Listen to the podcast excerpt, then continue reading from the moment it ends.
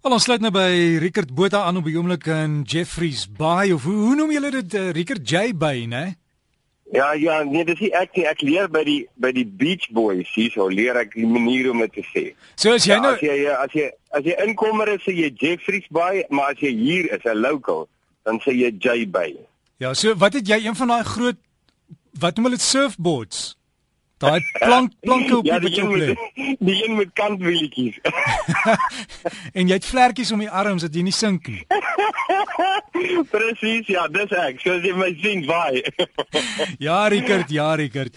Rickert, vandag gesels ons bietjie oor Christene in 'n besigheidsopset want ek ek ken mense wat in die besigheidsopset verskriklik skelm is.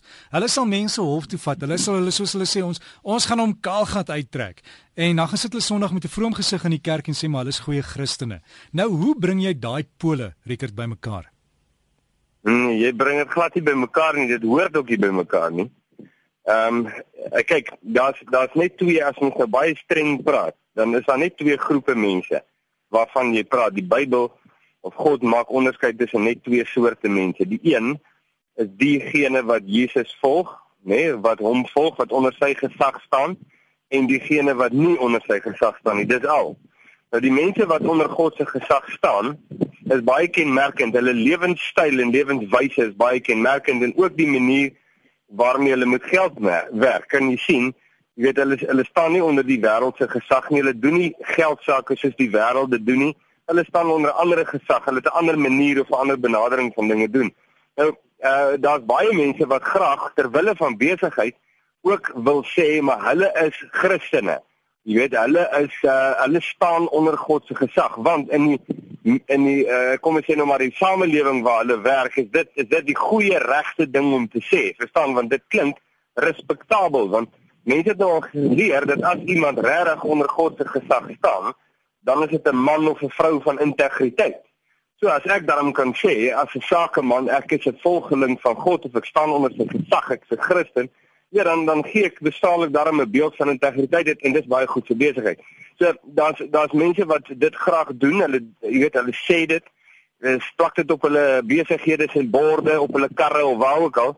En dan wanneer jy met hulle besigheid doen, dan kom jy agter dit is 'n infame leuen. Hierdie man staan glad nie onder die gesag van God nie en die manier hoe hy met geld werk en hoe hy mense hanteer is baie duidelik. Jy kan dit sien. So dit kom glad nie by mekaar uit nie. Jy kan hierdie twee ook nie by mekaar sit nie. As jy onder God se gesag staan, dan uh, dan is daar een leefstyl vir jou, een benadering en daai mense kan jy uitken baie ver, veral ook in die besigheidswêreld. Of as jy onder jou eie gesag staan of die wêreld se gesag, jy heeltemal 'n ander benadering en uh jy weet die twee is glad nie versoenbaar met mekaar nie. Maar Rickert, as jy nou 'n besigheid het en iemand het jou verneek met sê net maar 'n miljoen rand, moet jy dan vir hulle sê dis dis nou dis nou reg. Ons vergeet van die geld en ons gaan aan met ons lewens. Dit dit werk mos nie so nie, weet waar nee. waar kan 'n Christen dan homself wend? Want jy moet daai geld terugkry, jy het dit nie terugkry nie, gaan leeu huis vat, jy's in die moeilikheid. Maar maar hoe doen 'n mens dit? Goed, nou kom ek vat dat ek nie begin het nou, nê, nee, en ek antwoord, ek gaan nou net aan met my antwoord en ek gebruik dit 'n fondasie.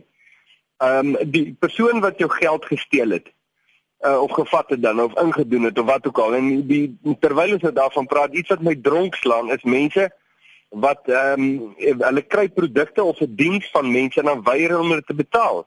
Ek kan nie verstaan dat dit gebeur nie. Jy weet ek ek kan nie dink maar hoe hoe rasionaliseer so 'n mens uh, dat dit maar oukei okay is dat iemand anders hom 'n diens of 'n produk lewer en dan weier om te betaal. So dit dit is dieselfde as diefstal is miskien 'n sagte diefstal, maar dit is diefstal nie teenstaande. Maar as die persoon wat jy dan ingedoen het, is daar twee dinge wat ek moet onderskei. As hy 'n gelowige is, as hy 'n Christen is, hy's 'n met sy eie getuienis en sy eie mond is hy 'n disipel van Jesus. Dan sal een manier hoe ek met hom 'n pad sal loop rakende hierdie indoening of hierdie diefstal of hierdie om te sê nou maar liefdeloosheid wat nou hier plaasgevind het. Dis iets nie reg nie. Daar's 'n manier ek met hom stap wat Jesus baie duidelik sê wat jy moet doen. As hy nie uh, ek ekskuus ek gaan nou daar stop want eintlik moet dit nou verduidelik presies wat dit is, nê? Nee? Maar uh, kom ons sê hy is nie 'n volgeling van Christus nie. Hy staan nie onder God se gesag nie. Dan sal 'n ander manier. Nou die ander manier is dit wat die wêreld voorsien. Die wêreld voorsien howe Hulle voorsien strukture en hulle voorsien dinge waarheen ek kan gaan om te appeleer om hierdie saak vir my te besleg. Uh, uh as ek met 'n gelowige werk, dan loop ek nie eers daai pad nie. Daar's 'n ander pad wat ek eers loop totdat ek agterkom maar hierdie man staan nie onder God se gesag nie. Hy staan onder sy eie of onder die wêreld se gesag. Dan loop ek met hom die die ander pad, die strukturele pad. En ek dink dis dis belangrik om dit te kan onderskei want jy weet ehm um, gelowiges kan mekaar indoen want daar's baie liefdeloosheid en vlees wat kan wees tussen gelowiges. Maar as ek Jesus se raad volg oor hoe om die uh, wanverhouding wat nou hier plaasgevind het te besleg of te benader, dan kan dit so wees dat ek op die ou einde die ander man se hart wen en die situasie red sonder dat ek in die hof gedraai. Dis heeltemal moontlik. Heeltemal moontlik. En partykeer snaaks genoeg sal howe sal 'n landdros uh, nog as hierdie raad se twee mense gee. Hy sal vir hulle sê, uh, "Ek kan sien julle twee is vriende uh, of was vriende en ek stel voor julle besleg hierdie saak nie in die hof nie, né? Nee? Dat jy hoor 'n landdros het die insig om so iets self te kan sê. Nou, wanneer dit kom by gelowiges, dan is hierdie beginsel nogals baie sterk iets wat mense 'n bietjie verder oor moet uitbrei. Rickert en dan ook in 'n besigheidsopset baie mense hanteer nie hulle personeel na wens nie alhoewel hulle elke Sondag uh, op die bankie in die kerk sit. Ja, nou goed, kom ek sê sê, sê iets daaroor want dit is net so belangrik. Ehm um, God het herhaaldelike kere in die Bybel veral het hy hom uitgespreek teenoor mense wat hulle werknemers mishandel en dat dit baie duidelik is. Daar's nou 'n klomp goed. Nommer 1 maak dit 'n God briesen, kom ons sê so, en dat hy homself skaar by die werknemer wat te nagekom word en uh, dat dit as 'n waarskuwing dien vir die onregverdige werkgewer om te sê, luister, dit is nie net teen die ou werknemertjie jy die magtige onderneming teen die ou werknemertjie nie. Hierdie werknemertjie het God aan sy kant, so jy moet versigtig wees hoe jy met hom werk. So dis die een ding, die een boodskap. Uh die ander boodskap is ook dat my getuienis word direk gekoppel aan die manier hoe ek my werknemers hanteer. Dat dit onmoontlik vir my is om te sê ek dien God, ek is lief vir hom, ek is gehoorsaam aan hom en ek volg hom, maar uh ek, ek skep my werknemers af. Jy weet ek hanteer hulle soos ehm um, goeders, jy weet meublement uh op 'n onwaardige manier en ek is oneerlik hoe ek met hulle werk en so aan en so aan en ek is liefdeloos. So dat dat God koppel my getuienis direk daaraan en dat hy sê Maar as jy sê dat jy God liefhet, dan jy nodig om ook jou werknemers lief te hê en te respekteer en ja, sulks jy weet met waardigheid te hanteer om jou getuienis ehm um, krediet te gee. Anders het jou getuienis geen krediet nie.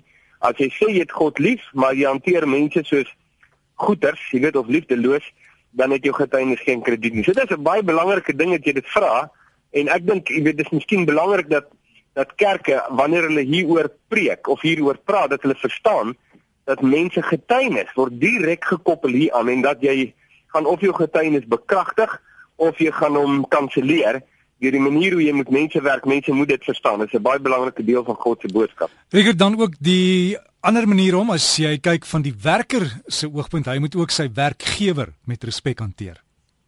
Ja baie goed want jy kry nou die die omswaai daarvan en dit is die werk nemer wat onder die gesag van God staan tree op 'n baie kenmerkende spesiale buitengewone manier ook op teenoor sy werkgewer al is die werkgewer onregverdig. Daar's 'n manier hoe hy hom hanteer wat uh, ons noem dit nou maar God se manier. Dit beteken nie jy sluk al die onregverdigheid uh jy weet sommer maar net nie. Jy weet 'n uh, Christen is die ou wishy-washy ruggraatlose ou. Almal kan hulle voete op hom afvee en dit het nêrens was dit enigstens God se boodskap of jy weet die idee wat moes uitgestraal het nie wat dit wat baie mense verstaan. Maar 'n werknemer wat onder God se gesag staan, hanteer sy werkgewer soos wat God sê. En in die situasies presies soos wat hy sê en dit is baie keer heeltemal teenstrydig met die emosies van die werknemer want die werknemer wil graag in 'n ander gees optree teenoor hierdie om te sê nou maar simpel werkgewer van hom of hardvogtige werkgewer en hy wil op 'n manier optree om hom te kry, dan sê God, as jy onder my gesag staan, tree jy nie so op nie, daar's 'n ander weg. 'n Baie beter, meer effektiewe weg en net soos met die werkgewer, kan ons sê die werknemer se getuienis word direk gekoppel aan die manier hoe hy sy werkgewer hanteer, sy getuienis of hy onder God se gesag staan ja of nee en uh, en hierdie uh, is 'n fisieke mm, praktiese uh, boodskap, nee, daar's nie teorie of fluffy aan nie. Jou getuienis gaan of staan of hy gaan val. So jy gaan of onder God se gesag wees of jy is nie. Dit is net een van daai twee. Richard, 'n uh, interessante storie by iemand gehoor. Hulle het 'n uh, 'n kontrakteur gehad wat hulle kombuisvulle oorgedoen het en die ou het hulle toe met 20000 rand ingedoen. Maar hy het heeltyd vir hulle gesê hy's in hierdie charismatiese kerk en hy's so groot Christen en hy's daar weg en hulle is die die geld toe toe toe toe hoe sê hulle dit dis ook weg. Die geld is daarmee heen. Hulle het ja, toe hulle het ja. toe na die pastoor van hierdie groot kerk toe gegaan en gesê hulle wil 20000 rand aan die kerk skenk en hulle kan dit by hierdie ou verhaal. En hulle het dit gedoen. Hulle het hierdie ou in 'n hoek gedryf en hy het oor 2 jaar daai geld aan die kerk terugbetaal. Want die ou het besef hy gaan dit nooit terugkry nie. En hy het dit ja, net net gedoen. Ek sulke stories maak my dit maak my lam. Ek ek uh, uh, wat my lam maak daar is nie die feit dat dit is nie, dat daar sulke stories is nie. Want ons leef in 'n wêreld waar hierdie goed gemeenplaas is. Dit is hoe dit is, maar in die kerk Derek. Nee, in die gemeente van Christus. Praat nie van die instansie of die godsdienstklip wat mense nou, jy weet, aan mekaar slaan nie, maar waar die mense onder God se gesag staan, is daar 'n bepaalde manier hoe daai familie met so 'n man moet loop. Jy weet daar's 'n daar's 'n proses want dit kan nie net geduld word nie. Dit kan nie nou maar net ag, jy weet ons weet nou maar ag, is nou niks wat ons kan doen nie. Weet daar's nie so tipe houding in die kerk nie. Daar's baie wat die kerk kan doen en snaaks genoeg Die boodskap moet half bekend wees in die wêreld. Weet jy dit? As ek nou die Bybel reg verstaan, is die boodskap bekend dat as jy iets fout kry met 'n gelowige, nee, sy getuienis, hy het iemand ingedoen met geld of wat ook al, dan moet die wêreld half weet, maar luister, jy gaan net na daai ouens toe, na daai groep, daai familie van hulle of wat ook al hulle hulle noem, daai kliek of noem dit nou maar net wat jy wil. Nee, die gemeente, jy gaan soontoe en jy gaan sê vir hulle en hulle sorteer dit sonder meer uit. Dis die getuienis van die gemeente wat in die wêreld baie sterk moet staan. Maar ongelukkig is dit nie ehm um, baie mense se belewenis nie. Hulle belewenis is dat daar geen verskil is tussen hoe die wêreld hierdie goed hanteer en hoe die kerk dit hanteer. Ja, Richard, as jy nou daar by die golwe induik, pas op maar dan nie kwaai besigheidsouens is wat op jou kop druk as jy daar deur die deur die water gaan nie, hoor. Richard, wa, waar kan mense jou kry? Jy's nog op Facebook? Ja, ja, Facebook is dieselfde. Um, ek sal nou hopelik so van maandag af weer vol sterkte daar teenwoordig wees, maar is in Jesus se voetspore. En uh, jy doen maar wat jy op Facebook doen. Jy gaan op druk die like knoppie en dan is jy deel van daai gemeenskap. Ons sê dankie Rickert en groete vir Jay Bay. Ja, ja, dankie Derek. Lekker naweek vir jou. Vir jou dankie so gesels Rickert Botha daar en net daai Facebook weer gaan soek om daar sluit aan by sy groep in Jesus se voetspore en dan kan jy ook uh, boodskappe daarvan Rickert gaan kry.